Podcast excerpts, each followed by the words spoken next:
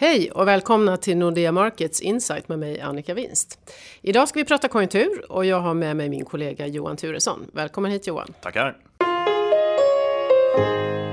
Ja, precis. Tillväxten, eh, som någonstans är det viktigaste måttet för att gå en ekonomi, har ju kommit lite i skymundan den senaste tiden. Om vi börjar i USA 1,6% tillväxt för helåret 2016 och 1,9% för fjärde kvartalet. Vad säger du mm. om det? Ja, USA gick ju faktiskt bra redan innan Trump vann valet och sen efter det så har Trump skickat signaler om att han ska föra en expansiv politik. Så att jag tror att det finns en chans att vi behöver revidera upp vår prognos över amerikansk tillväxt och att det kan bli ett ganska så bra år.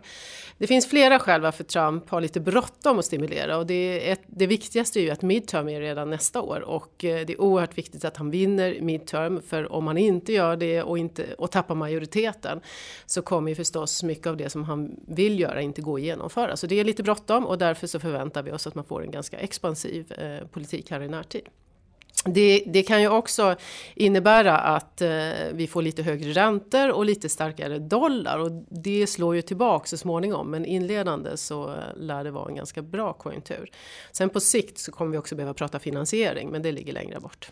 Eh, vi fick ju in lite undersökningar eh, tidigare, bland annat centralbanken i Philadelphias undersökning för tillverkningsindustrin, det var den högsta sedan 1984 och även småföretagarbarometern visar ju väldigt glada tider i USA. Ja, man är väldigt, väldigt nöjd med läget och det handlar väl mycket om det som Trump säger. Eh, jag, jag, tror att det kanske är lite tillfälligt och så småningom så kommer verkligheten att komma ifatt dem. Men jag ska åka till USA med kunder i mars och ta tempen på dem så vi får komma tillbaka till det här. Men, men eh, vår bedömning är ju att USA går bra och det är förstås viktigt för världen.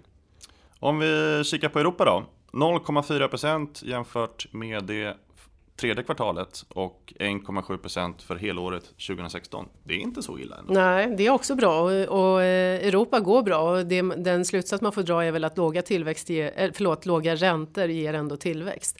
Eh, och låga räntor har vi, har vi haft. Och I Europa så brukar vi säga att potentiell tillväxt, alltså så mycket man kan växa utan att man får problem på arbetsmarknaden, inflation och så vidare. Den är under 1%. Så allt över 1% är bra. Så att ja, även Europa går bra. Utmaningar i Europa är förstås alla de politiska valen som, som vi har och som verkligen kan sätta käppar i hjulen för konjunkturen om det skulle bli stökigt. Men det finns också en risk om inte Kina kan sälja sina varor till USA, då kanske de dumpar dem i Europa istället och då står man också inför svåra svåra strukturella utmaningar och där är jag orolig att man politiskt inte är tillräckligt starkt på något håll riktigt att göra de strukturförändringar som behövs. Men, men om igen, här och nu, bra i Europa också. Om man kikar här uppe i Norden då så kan man ju se att våra ekonomier är ju faktiskt inte så homogena som man faktiskt kan tro. Hur ser det ut? Nej, eh, det är de inte. Men framförallt ser man väl två divisioner fortfarande. Där Norge och Sverige gör betydligt bättre ifrån sig än, än, Danmark och Finland. Danmark har man ju reviderat upp siffrorna så det ser lite ljusare ut där. Men framförallt är det väl Norge som överraskat eh, positivt. Många var ju bekymrade när eh, oljepriserna föll att det skulle slå hårt på ekonomin. Men där ser det väl aningen bättre ut.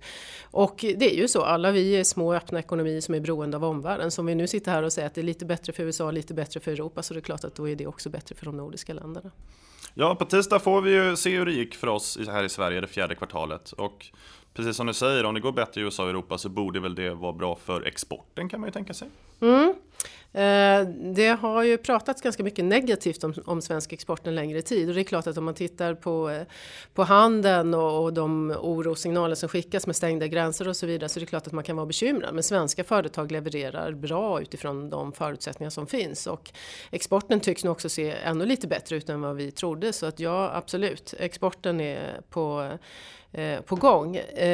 Förutom exporten så är det ju hushållen som har varit den viktiga motorn under en längre tid. Och där är det väl så att vi tror att räntorna har bottnat och då får man inte riktigt samma stimulans därifrån men hushållen kommer fortfarande vara en, en viktig motor. Och bygga kommer vi behöva så investeringarna håller i.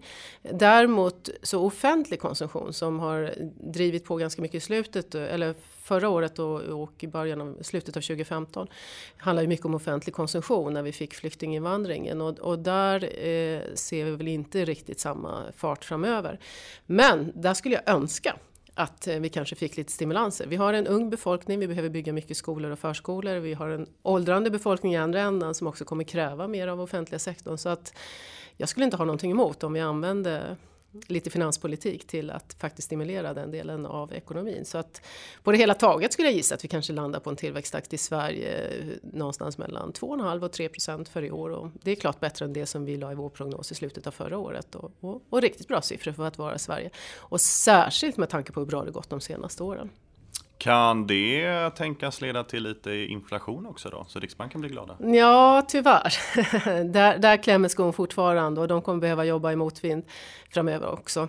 Tillfälligt så stiger inflationen på grund av energipriserna nu eh, och vi fick faktiskt idag väldigt höga inflationsförväntningar, långt över målet. Jag tror man får ta dem lite med en nypa salt och eh, jag tror nog att vi får, eh, med tanke på de avtalsförhandlingar som vi står inför nu i, i mars här så skulle jag gissa att det är svårt att långsiktigt komma över en och en halv procent i, i inflation. Men det är good enough som jag ser det.